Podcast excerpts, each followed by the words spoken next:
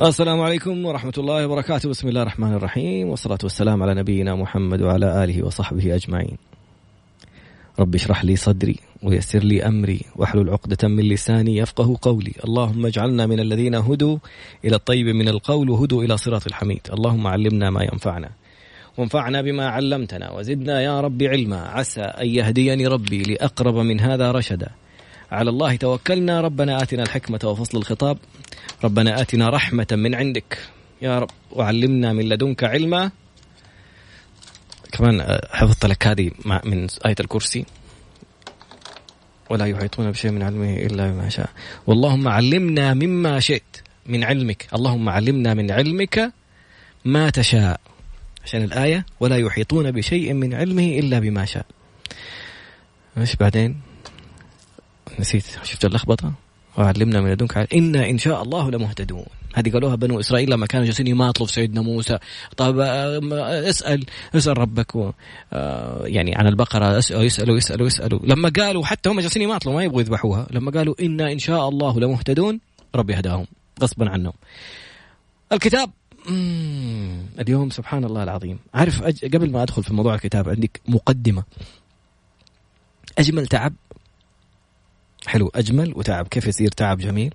أجمل تعب إنك تحس إنك أنا لساني مفروض صح؟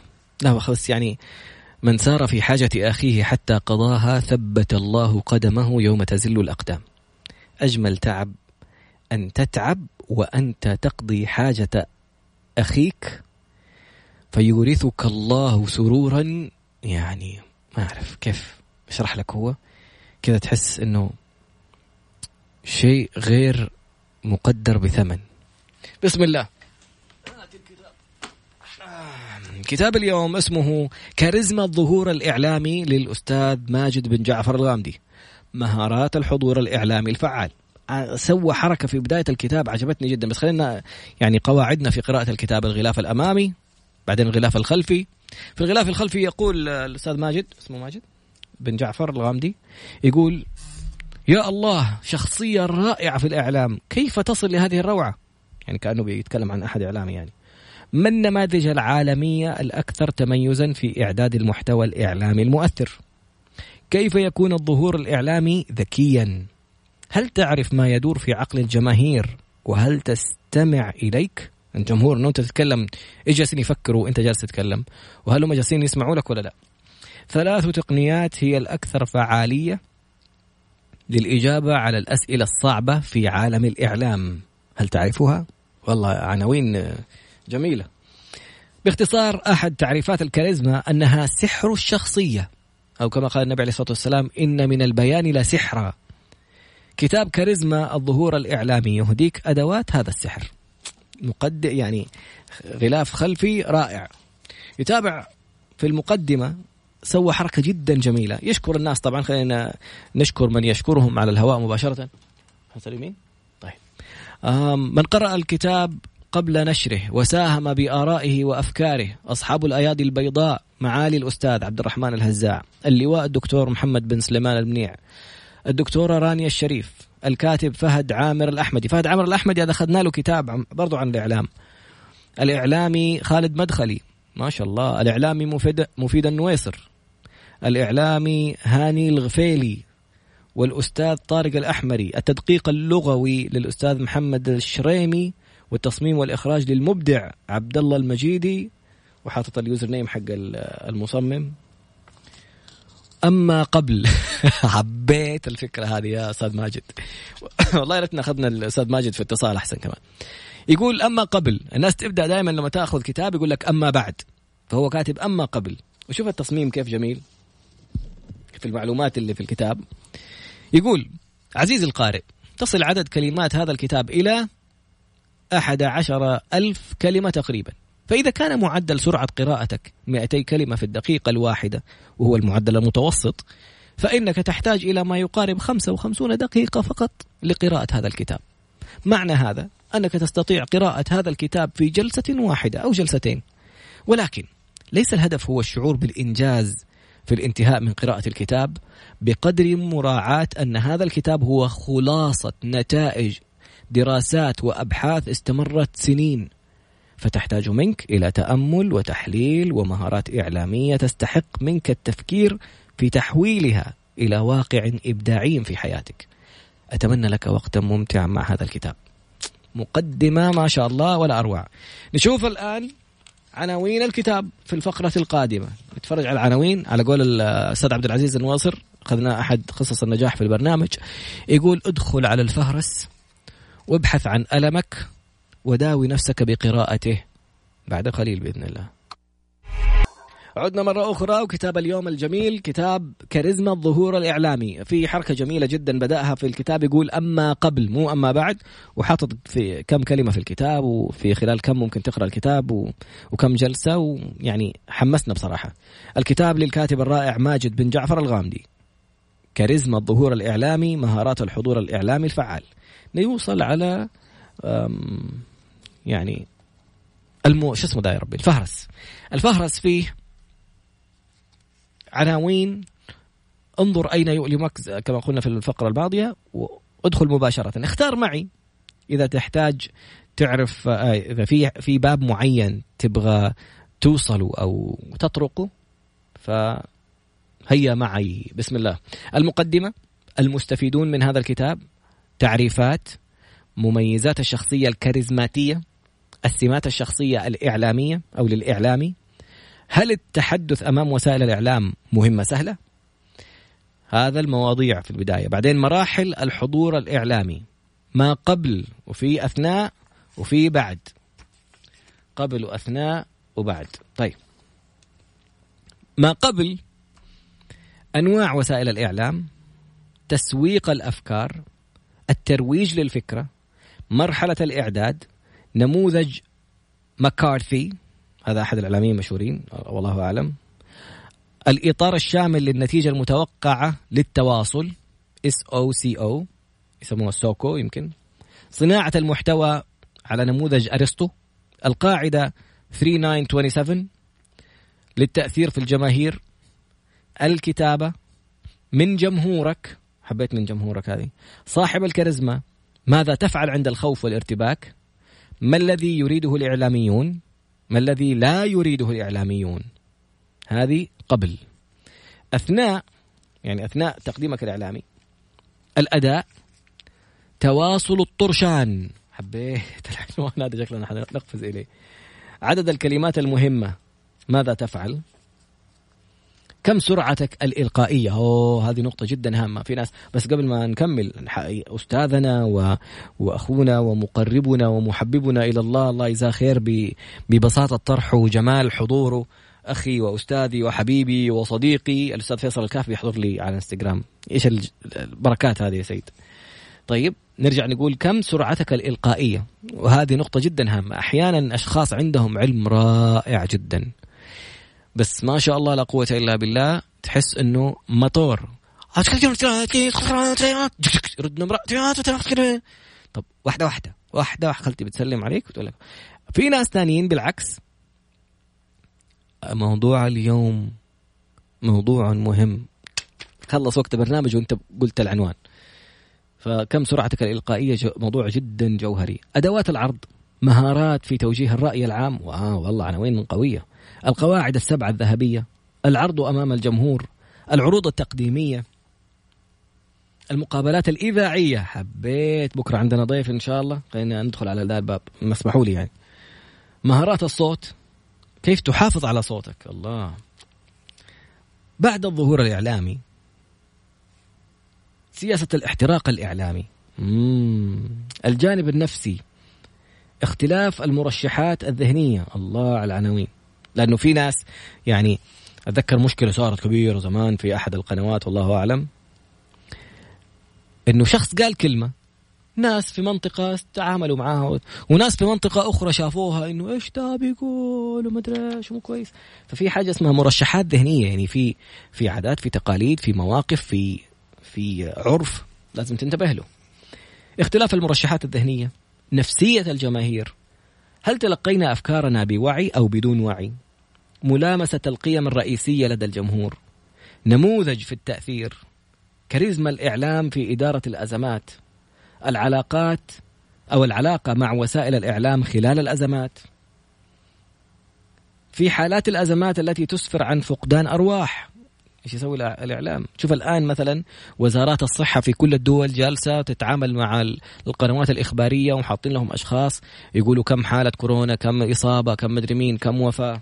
الله يجيرنا إن شاء الله ويبعدهم يعني يكفينا شرها بما شاء. المناورات الإعلامية التعامل مع الأسئلة الصعبة على على سيرة التعامل مع الأسئلة الصعبة أعطيك مثال على مدير تنفيذي وقعوا مع شركة حقت علاقات عامة مدير تنفيذي لشركة كبيرة كبيرة والشركة هذه استحوذت على مكان معين وتوسعت فطلبوا يطلعوا على العربية فمذيع العربية قال ما هي العوائد المالية المتوقعة من عملية الاستحواذ. سؤال بسيط وسهل والمذيع الاقتصادي دائما يدربوهم إنه أنا أخذت قرار إني أبغى أتوسع أبغى أوسع شركتي أبغى أستحوذ على شركة ثانية. يعني في قرار انصرف فيه فلوس. الفلوس هذه أنت شركة مساهمة يعني فلوس الناس. الفلوس هذه اللي أنت دفعتها عشان تتوسع. متى متوقع إنها ترجع للشركة؟ وإيش الأرباح اللي ممكن تجي عليها؟ فتخيل المدير التنفيذي ما كان عامل حساب الموضوع ده. طلع آم آم آم آم آم. وضرب لك سؤال جواب ثاني قال لك يعني مناور. خرج من هنا مجلس الإدارة قالوا له كل سنة وأنت طيب ومن قلبي قريب. مع السلامة. فصلوه فتخيل مجرد إنك ما تعرف تتعامل مع أسئلة صعبة إيش ممكن يصير فيك. الخاتمة والمراجع. كتاب والله عناوينه بصراحة جميلة. كيف من الممكن أن نبدأ؟ أين تريد البدء؟ اقترح علي على واتساب صفر خمسة أربعة ثمانية وثمانين واحد واحد سبعمية. صفر خمسة أربعة ثمانية وثمانين واحد واحد سبعمية. كثير مدراء مع الأسف بالاسم بس. أوف أوف أوف يا روجة. طيب خلينا نشوف. أنا عن نفسي لو تسمح لي خلينا في حاجة عن المقابلات الشخصية مع الناس وكذا اللي هي أثناء عند الكلمات المهمة المقابلات الإذاعية. صفحة 114 عندنا ضيف بكرة وما شاء الله رجل أعمال رائع وعنده أفكار خرافية. إن شاء الله إذا أعطانا الموافقة النهائية نعلن عن اسمه. صفحة كم قلنا؟ 100 فين راحت الصفحات؟ 114 في الفقرة القادمة والله إخراج الكتاب رائع. شوف الصور ما شاء الله. يعني إذا بتتابعنا على على إنستغرام live طراد underscore B T R A D underscore B. Tango Romeo Alpha Delfa آه Alpha Delfa. Tango Romeo Alpha Delta underscore Bravo. شوف الكتاب كيف الصور. شوف الإخراج. شوف الحركات البوستات كذا. جميل يا غامدي. ما شاء الله. بركات أنتم من أيام النبي والصحابة ما شاء الله عليكم. بعد قليل. بإذن الله. عدنا مرة أخرى وأنت تستمع إلى Mix FM برنامج أنا أقدر. من يوم الاثنين إلى يوم الخميس من الساعة 2 إلى الساعة 3 محدثك طراد باسنبل يحييك خلف المايك ويقول لك كتاب اليوم يوم الاثنين دورات تدريبية يوم الثلاثاء كتاب يوم الأربعاء قصص نجاح ويوم الخميس مع الإعلامي المستشار القانوني المحكم الدولي خالد أبو راشد. فاليوم يوم الكتاب ومعانا كتاب كاريزما الظهور الإعلامي للكاتب الرائع ماجد بن جعفر الغامدي. اخترت يعني بما أني أنا اللي بقدم فسمحت لنفسي أني أختار عنوان من عناوين الكتاب. 22 نصيحة أثناء المقابلات الإذاعية. وبشمهندس كمال طلب عنوان مهارات الصوت. حبيت مهارات الصوت هذه. إن شاء الله ناخذها الفقرة القادمة. إذا عندك شيء تبي تقترحه أرسل لنا رسالة إما على الإنستغرام طراد underscore B Tango Romeo Alpha Delta underscore Bravo. يعني T R A D underscore B. أو على الواتساب 054 88 11 700 ال 22 نصيحة تبدأ. وين وين رقم واحد؟ ليش؟ ما هو خلاص نبدأ بأي واحدة. بسم الله. حاول أن لا تتنفس بقوة تجاه الميكروفون بل أدر رأسك ثم تنفس. مم. لأنه أحيانا تسمع شخص في المقابلة الإذاعية كذا يكون حاطط أنفه هنا. دائما شوف أوريك المايك إذا أنت جالس تشوفنا على الانستغرام المايك هذا شكله شوف. هنا في شبك. وهنا فراغ. دائما أتكلم في النص. هنا دي لك خلصنا المايك. شوف. هذه الحافتين. هذه الحافتين. وهذا هنا. خربناه. طيب. هذه الحافتين اللي موجودة أطراف المايك وهذا في المنتصف الشبك اللي يسموه ال condenser يعني في اللاقط حق الميكروفون جوا هنا. فهنا تتكلم في في النقطة اللي في المنتصف. إن شاء الله ما يجون حقنا ال IT عشان خربنا لهم ده. طيب. فهذه النقطة بالضبط اللي تتكلم فيها. أنفك اللي يخرج منه النفس خليه فوق في المنطقة الفارغة دي. ليش؟ عشان لو أنفك هنا أسمع نفسي وأنا أتكلم. السلام عليكم ورحمة الله وبركاته. يعني حيبدأ الناس تزعجها تحسك خصوصا اللي بيسمعك بسماعة ولا جالس يسمعك من الجوال. انت انت داخل عقله جالس كأنك بتكلمه كأنك صاحبه. فلما يسمع نفسك حيتقشعر كذا كأنك كذا في رقبته ولا في قريب منه من وجهه. أبعد لي شوية. فالنفس مزعج شوية بصراحة. فإيش؟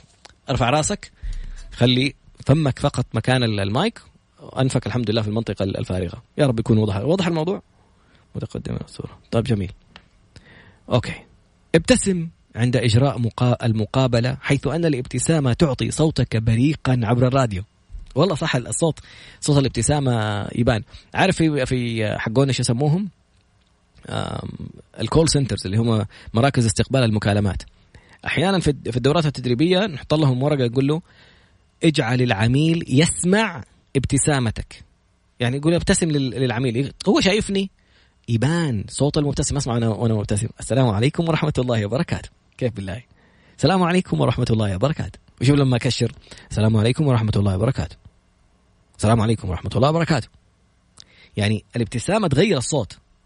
يا حبيب قلبي أحبك الله الذي أحببتنا فيه. شوف كيف الله الجمال. طيب بس جاتني رسالة واحد يقول لي أحبك. تكلمنا عن النفس تكلمنا عن الابتسامة لأن الابتسامة تعطيك بريقا في صوتك. حاول أن تبدو متحمسا وايجابيا ولا وألا تكون دفاعيا أو عدائيا. يعني حيادي. يعني مو إنه والله أنت ماسك قضية الآن وتقول لا هذا اللي صح وهذا اللي غلط. طب في ناس معاك؟ في مع في ناس مع هذا الرأي وفي ناس مع هذا الرأي. أنت إعلامي كن حيادي. لا تدافع عن أحد أو تعادي احدا. أنت جالس تطرح قضية خليك على الحياد. تجيب النواحي القانونية تجيب النواحي وتحط الآراء المختلفة. الناس تختار. حاول أن تبدو متحمسا وايجابيا. ودائما خذ الموضوع بإيجابية. يعني انظر للجانب المشرق من الموضوع. لا تحسبوه شر لكم بل هو خير لكم. سبحان الله ما تعرف حتى الأشياء اللي أحيانا تطرحها وممكن يكون فيها مشكلة. أنت تجيب الناحية الإيجابية فيها كذا تحسس الناس إنه سبحان الله ما جاء في بالنا والله الموضوع ده. لا تتعامل مع الميكروفون الإذاعي كأداة لمخاطبة الجمهور. فأنت في سياق حديث متبادل ولست في سياق الوعظ أو المحاضرة. مم. يعني في ناس كأنه في خطبة. أيوه. توجيه توجيه توجيه. خليك متفاعل اسمع منهم تكلم معاهم. تكلم بوضوح وارفع صوتك للتوضيح. يعني خلي صوتك واضح. وارفع صوتك لما تبغى تنبه على حاجة قول اليوم مثلا تكلم بوضوح وارفع صوتك للتوضيح. لما في نقطة معينة تبغى تركز عليها أعطيها نبرة صوت أعلى شوية. أو تخفضها مثلا. فانتبه إذا أحد قال لك كذا يعني إيش؟ تخف تلعب في نبرة الصوت. لا تعتمد صوتا أو نبرة رسمية فقد تبدو مزيفا أو متكلفا. امم فعلا. أحيانا الناس يجي يتكلم لك وقد قال مصدر مسؤول في الأمم الم... يعني أنت ما انت قارئ أخبار؟ أنت بتسوي لقاء إذاعي. فلما تتكلم بشكل رسمي الناس يحسوك راشش على نفسك نشا. طبعا هذه تعليقات ما هي موجودة في الكتاب أنا بتكلم أقرأ المعلومة وأعلق عليها. فلما كذا تتكلم برسمية زايدة يعني حيقولوا هذا الإنسان بالله لما يخرج آه يبغى مثلا يروح الحمام ولا يروح مطعم ولا يروح ولا يتكلم مع زوجته حيقول لها أهلا وسهلا لقد وصلت إلى المنزل كيف حالك؟ حلو نستخدم اللغة العربية بس ب... لا تترسم كثير يعني. آه أين الخلاء؟ أريد أن اقضي أوكي. اسرد القصة ولا تقرأها. الله! يعني أحيانا اقرأ أنت القصة وتعال حكيها. لأنه لما تجلس تتكلم بتقراها قراءة الناس تفقد التواصل معك ترى حتى لو كنت يعني على مسرح حاول تقرأ الموضوع وتقوله بطريقتك إذا كان قصة صارت لأحد. لأن الناس بيطالعوا فيك أنت ما أنت حاسس إن هم عينهم في عينك. من يوم تنزل عينك في الورقة وجالس تقرأ منها أنت فقدتهم. بعدين يقول كن مرتاحا في جلستك في الاستوديو. والله كلام جميل بصراحة. أنا جالس على طرف الكرسي كذا وناطط عند المايكس. لحظه بالله. أيوه الله والله الموضوع مختلف. يا أخي الواحد والله يفضل يعني جاهل إلى ما يتعلم. كن طبيعيا فهذا هو سر نجاح أي حلقة إذاعية. يعني لا تتصنع. يس eye contact طيب هذا موضوع ثاني. النقطة العاشرة. تذكر أنك كيفما اخترت أن تجلس فعليك أن تبقى قريبا من الميكروفون لضمان وضوح الصوت حيث قد يؤدي تحريك رأسك وجسدك وأنت تتكلم إلى التأثير على وضوح الصوت. هذه الفقرة حرجع أقولها لخالد أبو راشد. أبو محمد يتعب لي قلبي لما نكون على الهواء. يتكلم كذا بعدين يطالع في المتابعين ويدير شوف شوف لما بس شوف شوف. طالع الآن أنت انتبه وأنا أتكلم في المايك. لما أتكلم في نقطة المنتصف عند اللاقط حق الميكروفون كيف الصوت واضح؟ أنا يبان عندي هنا في زي المؤشر. فلو درت وجهي كذا وتكلمت شوف الصوت ما صار واضح. لو درت كذا وتكلمت ولا طالع في أحد ثاني وأتكلم راح وضوح الصوت. بعدين أيوه يعني انتبه خلي دائما تطالع تتحرك مدري مين فمك عند اللاقط حق الميكروفون. ونتابع أيضا عبر دائما عن الاحترام لرأي الآخر ومن ثم برهن لماذا قد لا تتفق معه. لا ترفع صوتك ابدا في حال احتد النقاش. حافظ على هدوءك الله. لأنه أحيانا يعني ينكبك أي برنامج إذا شفت شخصين يتكلموا في نفس الوقت. عارف نفسك تطفي القناة ولا تحط لهم ميوت؟ يعني أنا. أنا جالس أسمع. ترى أنت ما أنت حاسس إنه أنت تتكلم ولما الشخص الثاني يتكلم المستمعين يصدعوا. طب أنا ماني سامع لا لا أنت ولا ضيفك. ف يعني نقطة جدا هامة. وبعدين على قوله عشان لا تصير مشاكل في في اختلاف الآراء وكذا وتصير بدل ما هي مشكلة أو اختلاف في الرأي يصير خلاف والموضوع يتحول إلى مشكلة وضح احترامك لوجهات نظر الآخرين حتى لو حتختلف معاهم. قول له احترم رأيك وجهة نظر جميلة أو محترمة أو ممكن تكون في وجهة نظر ثانية وقول وجهة نظرك الثانية. بدون ما تقول له لا أنا هذا الموضوع لا أنا ما أختلف معك ولا هي نقطة يعني اختلاف وليست خلاف فلا تخليها خلاف. تجنب استخدام المصطلحات المتخصصة أو المختصرات التي تستعصي على فهم الجمهور. استخدم اللغة البيضاء وهي اللغة اليومية الدارجة. يعني زي لما تتكلم مع أصحابك وأخوانك وأهلك في البيت. تكلم في المايك بنفس الطريقة. ليش؟ عشان تكون سهل إنه الناس يحسك خصوصا في الراديو سبحان الله. لما تتكلم تكلم كأنك تكلم شخص واحد. لأنه جالس يسمعك يا على جوال ولا في السيارة يحس إنه الكلام موجه له. تلاقيهم بعد فترة يجي يقابلك يقول لك يا أخي والله أحسك صاحبي كل يوم أسمعك كل يوم معاك كل يوم كأنك تكلمني. لكن في المقابل لما يعني هنا النقطة جدا هامة لا تستخدم المصطلحات العلمية أو الاختصارات. فيقول لك خصوصا لما تلاقي أطباء ولا مهندسين ولا مختصين يقول لك CDC لما قالوا مين CDC أنا سيدي اسمه مصطفى رحمة الله عليه. فيعني تدخل لك abbreviationات وأسماء ال TB يعني TB ولا ما TB؟ أنا TB اختصار اسمي طراد باسنبل و TB ممكن يطلع tuberculosis المرض السل. يعني وممكن يطلع حق Burberry الجديد حاطين TB. يعني لا تحط لي اختصارات وتفكر إنه عشان أنت فاهمها تحسب الناس كلها فاهمينها. في حال عدم فهمك لسؤال ما اطلب ايضاحات. ولا تفترض أنك تعرف عما يسألون. أوه شكرا على النقطة هذه. هذه نقطة جوهرية. أحيانا أنت تطالع كذا في المقابلة الإذاعية ولا مقابلة تلفزيونية.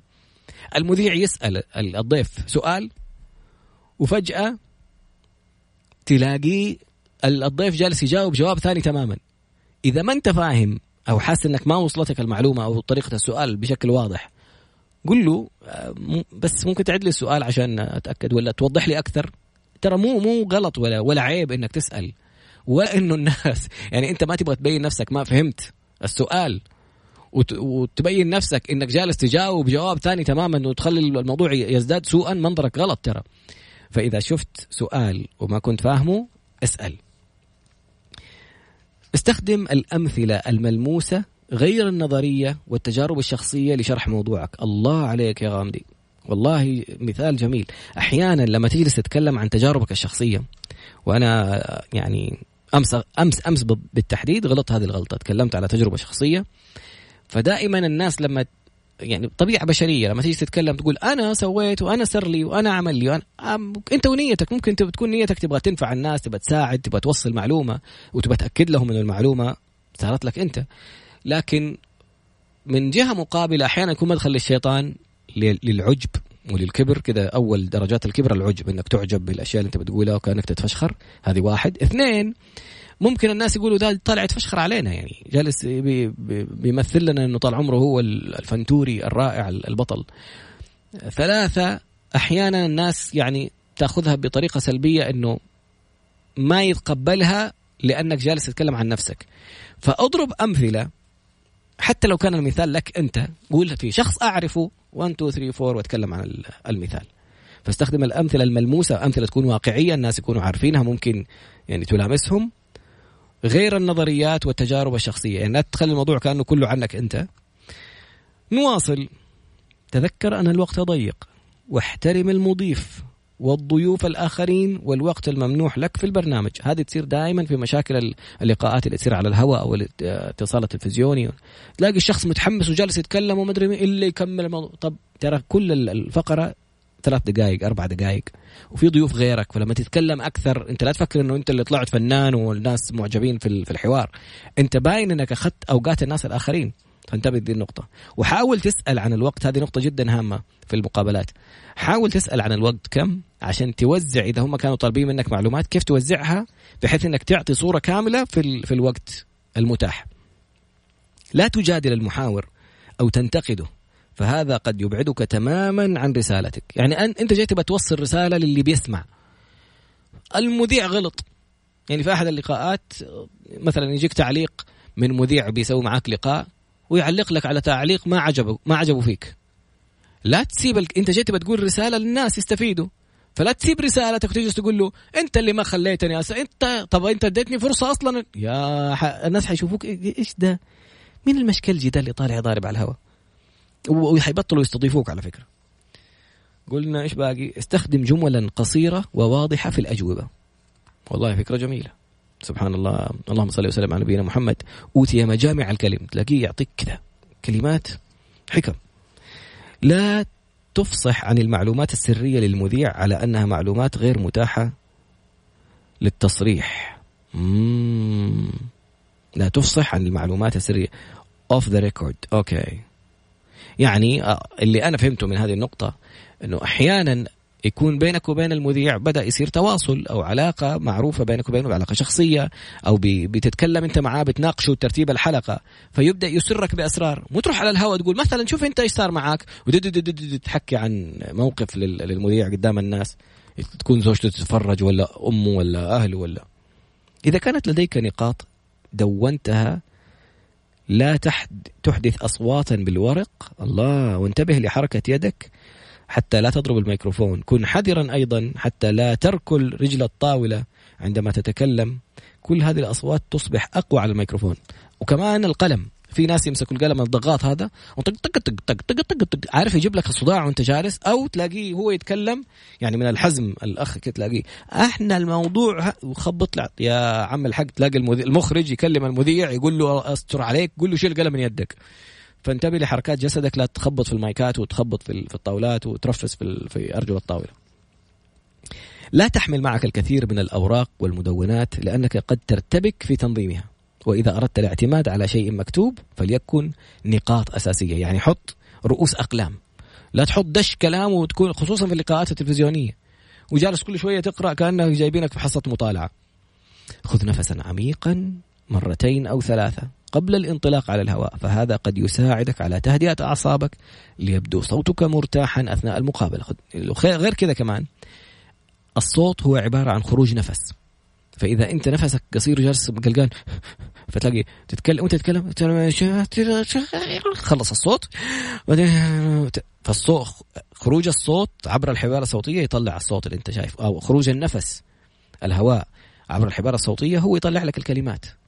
فأنت تحتاج إنك تاخذ نفس عميق. عشان تشوف الحين الآن لما تاخذ نفس عميق شوف مدة الكلمة اللي تقدر تقرأها. خذ نفس. حاول أن تتواصل مع الجمهور ولتكن القصة ذات صلة بالمستمع. استخدم الأمثلة الملموسة غير النظرية. يعني شايف تقدر تقرا تقرأ مسافة طويلة إذا أخذت نفس طويل. تشوفها في المساجد أحيانا. لما الإمام يبغى يقرأ آيات كذا يدخل لك الفاتحة بالكامل ياخذ لها نفس قبل ما يبدأ ياخذ نفس. بسم الله الرحمن الرحيم. نراك في الفقرة القادمة إن شاء الله. نشوف اللي اقترحوا باش مهندس كمال. أه، جالس أقول لا تخبص وأنا أخبط. مهارات الصوت. فقرتنا القادمة حسب اقتراح الأستاذ المهندس كمال. إذا عندك اقتراح آخر من العناوين اللي سمعتها في الفقرات الماضية أرسل لنا على إنستغرام في طراد underscore B T R A D underscore B أو على الواتساب 054 88 11 700 عودة مرة أخرى التفاعل جميل جدا وملهمين والله في كلمات جميلة ورائعة. نبغى نشوف باب مهارات التواصل اللي طلبه الأستاذ كمال وفي نفس الوقت أحد الأشخاص بيقول لي اسمه MMMQ يقول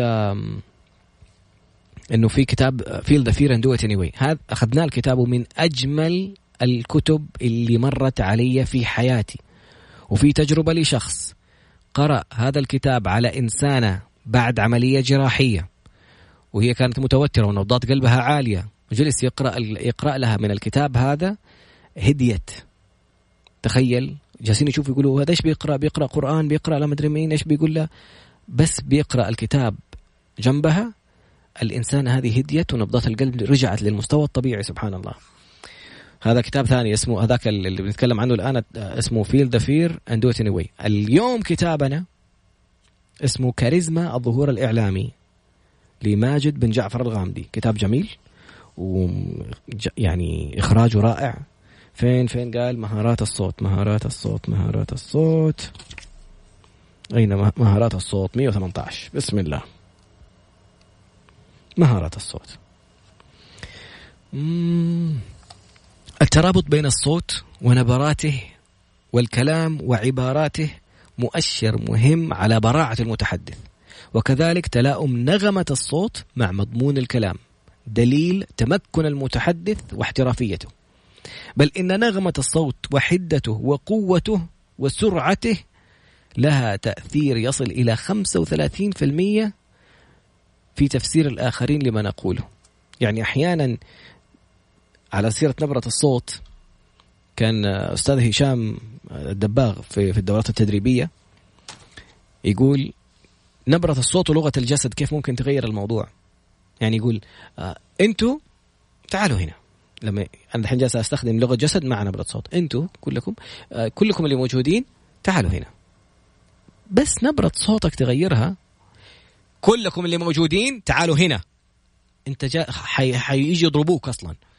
فنبرة الصوت انت أحيانا تقولها بطريقة ما تنتبه لها لكن تتحول من انك بتستضيف ناس وترحب فيهم إلى انك بتجبر ناس وتجيبهم غصبا عنهم. بس بنبرة صوتك نفس الكلمة ما قلنا ما, ما قلنا شيء مختلف.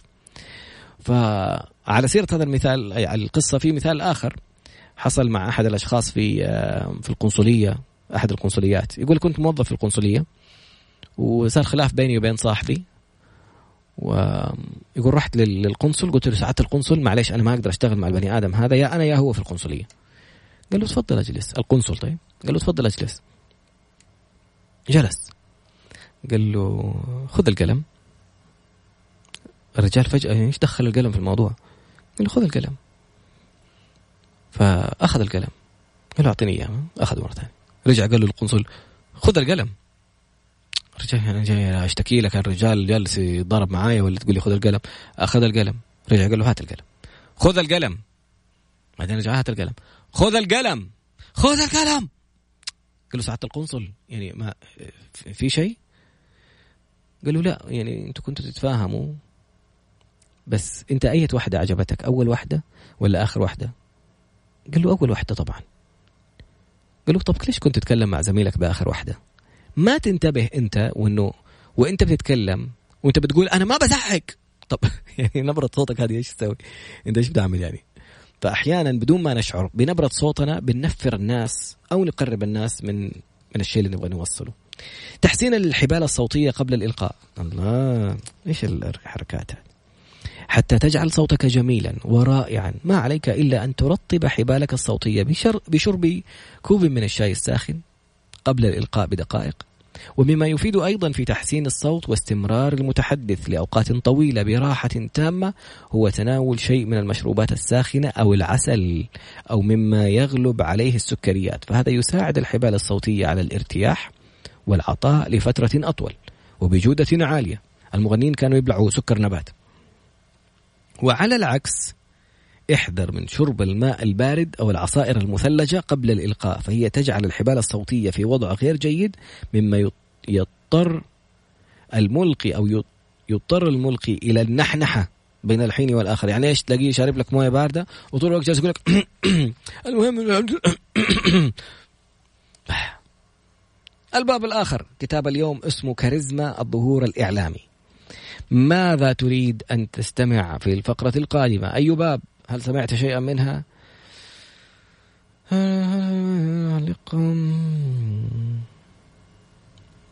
جميل جدا. ما يوحشك غالي يا رقم اثنين أربعة ستة ستة. شكرا على التواصل. ما عليك إلا بسكر. أي سكر نبات. مين هذه؟ خلود. ما شاء الله عليك كأنك شفتينا. نبرة الصوت موضوع جدا مهم وهذا الشيء مهم كمان حتى في تلاوة القرآن فعلا. الوجه. أهلا وسهلا. آمين يا رب. وياك. الصوت والله بالذات لما يكون صادق. الله. يعتبر مديتيشن فعلا. سبحان الله العظيم. شوف أي شخص يلقي لك حاجة وبيتكلم في شيء إذا هو مقتنع بالكلام اللي بيقوله أنت حتحس. إذا هو صادق في الشيء اللي بيقوله أنت حتحس. إذا يعني إذا كان متصنع برضو أنت حتحس. فسبحان الله. الفقرة القادمة خلينا أرجع للعناوين مرة ثانية. كان في عنوان جدا لفتني بصراحة. اختلاف المرشحات الذهنية ونفسية الجماهير. هذه بابين مختلفين في فقرتنا القادمة. هذه تنفعك حتى لو ما كنت إعلامي لأنه أحيانا وأنت بتتكلم مع أشخاص مختلفين عندهم وجهات نظر مختلفة ونفسيات مختلفة. فكيف تستشف هذه النفسيات وتتعرف على هذه الشخصيات قبل الظهور أو قبل الحديث معهم. كيف تصمت قبل أن يضع الناس آذانهم يضع الناس أصابعهم في آذانهم؟ يعني لا لا تتكلم تتكلم إلى أن تخلي الناس تقوم. تقول ليته سكت. متى تسكت؟ قبل ما يظهر عليهم الملل بعد قليل. إن شاء الله. مشاركات بصراحة جميلة جدا وملهمة. خلود تقول التفكير قبل الكلام يؤثر في نبر... يحدد نبرة الصوت. أنت تبغى تتكلم في موضوع. فلو فكرت قبل ما تتكلم حتلاقي نفسك عارف متى حقول هذه الكلمة متى حقول هذه الكلمة كيف نبرتي هنا وكيف نبرتي هنا. سلام تقول إنه كل ما أجي أتكلم يعني أبغى أتكلم قدام الناس ألاقي نفسي كذا كأني معصبة وصوتي يعلى. فكمال بيقول لها يرد عليها باشمهندس كمال يقول تكلمي قدام المراية. شوفي نفسك طالع في ملامحك. أو ممكن تسجلي فيديو لنفسك حط الكاميرا ثبتيها وتكلمي قدام الكاميرا الجوال. كأنه الجوال طالع في الكاميرا حقت الجوال نفسها كأنها عيون إنسان. جالسة تشرحي له عشان تتعلمي على لغة التواصل بالعيون. عفوا. في حركة ثانية بدل ما تدير وجهك وتكح في المايك وتقول عفوا وتعدي لغيرك قفل المايك كذا وكح في كوعك وارجع. كمال أو مين اللي سأل الكلمة حق موضوع التعامل مع الأسئلة الصعبة؟ لا أقول الملابس الجمهور كيف تلقينا أفكارنا؟ في في حق موضوع الأشياء الجماهيرية ورأي الجمهور والمقابلات الإذاعية. خلينا ندخل اولا على المرشحات الذهنية ونفسية الجماهير في صفحة 140 140 140 الجانب النفسي. ولا خلينا نشوف أول. آه خلينا ندخل في الجانب النفسي شكله أقل كذا وناخذه بسرعة. الجانب النفسي. اختلاف المرشحات الذهنية. من الممكن النظر لقضية واحدة. بطريقتين مختلفتين تماما. نظرا لاختلاف المرشحات فما قد تراه جيدا لقناعاتك يمكن أن يراه الآخر سيئا لقناعاته أيضا. يعني في ناس تربت في بيئة محافظة جدا آه، الحجاب بالنسبة لهم عباءة فوق الرأس ونقاب ومدري مين وجوانتيات وشراريب. كل الاحترام والتقدير لكل الأفكار. في ناس ثانيين يروا أنه الحجاب آه، في كشف الوجه. ففي أحيانا لما تجي أنت شخص من بيئة محافظة جدا تشوف إنه كشف الوجه هذا تبرج وحرام وسفور وتبدأ لا قدر الله تطلق أحكام ولا شيء. والآخرين لما يشوفوا موضوع غطاء الوجه ولا النقاب يشوفوه تشدد وغلو وتشديد على الناس. يعني أنت في بيئة وهذا في بيئة أنت في مكان وهي في مكان من بيئات مختلفة. لازم أنا أحترم حتى في مذاهب مختلفة تقول بكشف الوجه مذاهب تقول بغطاء الوجه. فيعني الموضوع اختلاف. انت لك في اهلك لك في زوجتك لك في ابنائك لك في بناتك. تعامل معه سوي الأشياء اللي انت تشوفها مناسبة لك طالما ما فيها معصية. يعني اختلاف. فلازم نحترم وجهات النظر المختلفة. تجي تتكلم في في قضية سنة وشيعة ومدري مين وانت ما تعرف وانت ما تسأل وانت ما تقرأ وانت ما انت فاهم. فتيجي تسوي حساسية ولا تسوي مشكلة وانت على على بالك انك بتوجه بتوضح وجهة نظرك. لا في في تمرين رائع كنا نسويه في في ورش العمل. أو حضرته كمان مرة. يقول لك شوف شخص بينك وبينه اختلاف في وجهة نظر معينة إن كان حجاب ولا إن كان مذهب ولا إن كان أشياء كثيرة. واسمع له دقيقتين وخليه يسمع لك دقيقتين. دقيقتين بس اسمع له بدون ما تقاطعه. وشوف المفاجآت اللي ممكن تلاقي نفسك غيرت وجهة نظرك لطائفة أو لمذهب أو يعني وجهة نظر كاملة تغيرت لمجرد أنك استمعت لرأي الطرف الآخر اللي, اللي لا يتفق معك فنقطة جدا هامة بصراحة. مثال توضيحي. يرى صالح. أن قطعة الكيك سيئة لكونها كثيرة السكريات ولأنه عندما أكلها سابقا أصابه سوء هضم ولأنه مقتنع بأنها سبب في تسوس أسنانه ولذلك هو لا يحب الكيك ودائما يحذر منه. يرى علي أن قطعة الكيك متعة من متع الدنيا لذة من لذائذ الحياة وهي رمز الفرح والسعادة ودائما ما ترتبط الكيكة بالمناسبات السعيدة ولذلك هو يعشق الكيك. هذه هذا في الأمور الحياتية العادية جدا كمحبة الكيك أو كرهه. وكيف كل شخص ينظر إليه؟ الإعلامي ذكي يفهم كل هذا أثناء عرض أفكاره خاصة في مواضيع أكثر عمقا وحساسية لدى الجمهور.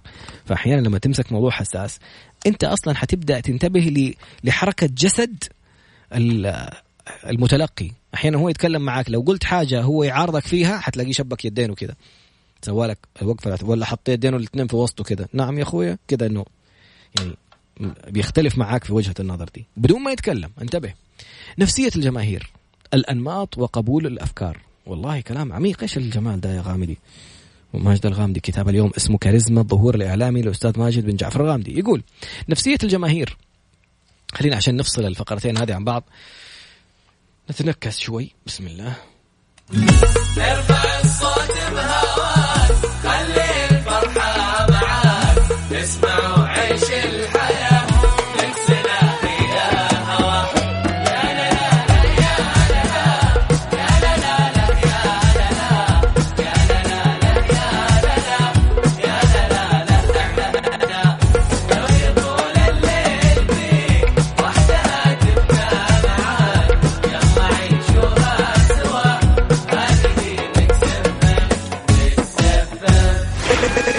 Mix FM من مدينة الرياض على تردد 98 جميل التفاعل ورائع ما شاء الله تبارك الله. واليوم وصلنا في كتاب رائع اسمه كاريزما الظهور الإعلامي للأستاذ ماجد بن جعفر الغامدي. وصلنا لباب نفسية الجماهير الأنماط وقبول الأفكار. تؤثر طبائع المتلقين ونفسياتهم وأنماطهم على قابليتهم لتسويق الأفكار. أو لتسويق الأفكار عليهم. يعني أحيانا تبغى تتكلم تبغى تقترح اقتراح. يعني مثلا خليني أعطيك مثال. ضيف الغد إن شاء الله إن ربي يسرها عنده فكرة رائعة. يعني عملية تطبق في المملكة العربية السعودية. تحتاج موافقات حكومية وزارة المواصلات وكذا. لو طرح الفكرة الآن في ناس حتتقبل في ناس ما تتقبل فاختلافهم يعني ممكن اختلاف شخصيات الناس ممكن يكون سبب في اختلاف قبولهم إنك تتكلم معاهم في هذه الفكرة. ويمكن توضيح ذلك بذكر بعض الأنماط وأثرها على قبول الأفكار. واحد معايير التقسيم أو معيار التقسيم الأول ما يركز عليه في الحياة. يعني الشخص هذا إيش يركز؟ حنشوف دحين إحنا عندنا أربع معايير وحنمسك كل معيار ونشوف أنماط الأفكار فيه. المعيار الأول ما يركز عليه في الحياة. المعيار الثاني ما يغلب على تمثيله في عقله. المعيار الثالث طريقة الاتصال. المعيار الرابع نظام المرجعية. طيب حنشوفهم واحد واحد عشان لا نفسر المرجعيات والأشياء هذه. رقم واحد مقياس التقسيم الأول ما يركز عليه في الحياة. حنشوف النمط اللي هو نمط الأفكار والمشاعر والسلوك. هذه ثلاثية كل الناس عندهم تفكير شعور سلوك بعدين تظهر النتيجة. فأول شيء أنت تجيك فكرة. بعدين تبدأ تحس يعني مثلا خلينا نقول فكرة موقف جميل مر عليك في حياتك. تلاقي نفسك وأنت مغمض عينك جاتك الفكرة تبدأ تحس مشاعر كده. بعدين سلوك. أي أحد يكلمك هلا يا لبي هلا والله. تلاقي نفسك مبتسم. هذا السلوك. ففي كل نمط أو في كل معيار حنمسك نمط اللي هو الأفكار بعدين نمط المشاعر بعدين نمط السلوك. نأخذ الأولى. نمط الأفكار. مواصفات هذا النمط. يحب النقاش العقلي والتجريدي والتخطيط وقد يبدو بدون مشاعر وكسول. كذا اليوم كنت أتحدث مع أحد الأخوات تقول لا يلفتني شكل الرجل خاطب عقلي إذا أردت أن تمس قلبي. كبير. طيب مرة ثانية نمط الأفكار مواصفات هذا النمط يحب النقاش العقلي والتجريدي والتخطيط وقد يبدو بدون مشاعر كأنه ما عندهم إحساس. كيف تسوق الأفكار لهذا النمط؟ ركز على الحجج العقلية والمنطقية والإحصاءات اذكر الأسباب والنتائج ووضح الفلسفة والنظرية. أعطي له كامل الموضوع وقول له إيش النتيجة اللي حتصير لو تبى تنفذ الموضوع هذا. يعني يبغى نقول لضيفنا بكرة إذا تبغى تقول إنك تفتح طريق مثلا من مدينة إلى مدينة إيش النتائج؟ كم الفرص العمل اللي حتنفتح؟ إيش العوائد اللي عليها؟ إيش اللي حيصير؟ النمط أو في نمط المشاعر. مواصفات هذا النمط. آه هنا أخذ الأفكار والمشاعر والسلوك على بطريقة مختلفة. طيب خلينا نوصل لنمط المشاعر. مواصفاته إيش؟ حساس. يحب التأكيد على المشاعر ويراعيها وقد يبدو عاطفيا ولا يحب العمل أو الفكر. كيف تسوق يعني هدول الناس اللي مرت يقول لك أنت عارف أنت كم واحد حتكسر قلبه لما تغير مسار الطريق ده؟ عارف كم واحد حي... حينصدم إنه كيف صار في طريق ثاني؟ وهو كان متعود على الطريق الأولاني. حنعيط بس هذا نمط من أنماط الناس فلازم تحترم هذا النمط وكيف تتعامل معاه كيف تسوق له أفكارك. ركز على تأثير الفكرة على مشاعر الناس وعلاقاتهم. أكد على منافعها لحماية مشاعره ومشاعر الآخرين وإسعاده وإسعاد الناس. هو يعني هذا الإنسان اللي تلاقيه كل شوية يقول لك أنا آسف زعلتك؟ والله ما كان يا حبيبي أنا, ما زعلت. شكرا. والله ما كان قصدي قول والله ما زعلت. يا خلاص سامح. أنا كنت زعلان وسامحتك. انبسط فلما تورينه فكرتك ممكن تحسن مشاعر الناس ويكونوا مبسوطين وسعيدين. wow مرة فكرة cute تجنن. روح قواعد أنا معاك على طول. أي حاجة تبغاها مني أنا معك نمط السلوك. كيف مواصفات هذا النمط؟ شعلة نشاط. يحب البدء بالعمل ويرى أهمية الحركة والفعل وقد يبدو متعجلا أو لا يخطط أو لا يحسب العواقب. هذا يعني على قولهم فاصل ال reverse. أي فكرة تلاقيه متحمس يقول لك يلا طب نقوم ننفذ. يا سيدي طب دقيقة نشوف نخطط. إحنا ننفذ بعدين نشوف إيش اللي يصير في الطريق ونبدأ نعدل. هذول كيف تتعامل معهم؟ كيف تسوق أفكارك عليهم؟ ركز على أن الفكرة عملية لا نظرية. قول له إنه هذا فيه تطبيق عملي حنشوف حنعمل واحد اثنين ثلاثة الآن نشوف نتائجها. والله يلا قوم. نحتاج أن نحولها للميدان ببرنامج عملي. واذكر له جزءا من هذا البرنامج. قل له إحنا الخطوات التنفيذية حقتنا واحد اثنين ثلاثة. هذا كله أنماط الفكر والمشاعر والسلوك هذول كانوا في المعيار الأول ما يركز عليه في الحياة. في ثلاثة معايير أخرى ما يغلب على تمثيله في عقله طريقة الاتصال نظام المرجعية. هذا للأسف للأسف ما يمدينا نأخذها لأنه باقي دقيقة على نهاية البرنامج. وفي نهاية الدقيقة هذه حاب أشكرك وأشكر الكاتب الرائع كان معانا كتاب اليوم كاريزما الظهور الإعلامي للكاتب ماجد بن جعفر الغامدي كتاب في له 11 ألف كلمة يعني لو أخذت الكتاب هذا جلست جلسة واحدة ممكن تخلصه في ساعة أو جلستين في ساعتين إذا تبى تطبق الخطوات والنظريات اللي فيه وتمارسها آه، سيصقلك بإذن الله هذا كان وقتنا والكتاب من إصدار دار تشكيل للنشر والتوزيع. سبحانك اللهم وبحمدك أشهد أن لا إله إلا أنت أستغفرك وأتوب إليك. بالله كيف وأنا مخلص قبل البرنامج بنص دقيقة. والله شكرا جزيلا. السلام عليكم ورحمة الله. نراك غدا في قصة نجاح جميلة ملهمة مبدعة وأقول لك فيها مقدما الشهادة العلمية ليست ضرورية لكي تكون مليونيرا في أمان الله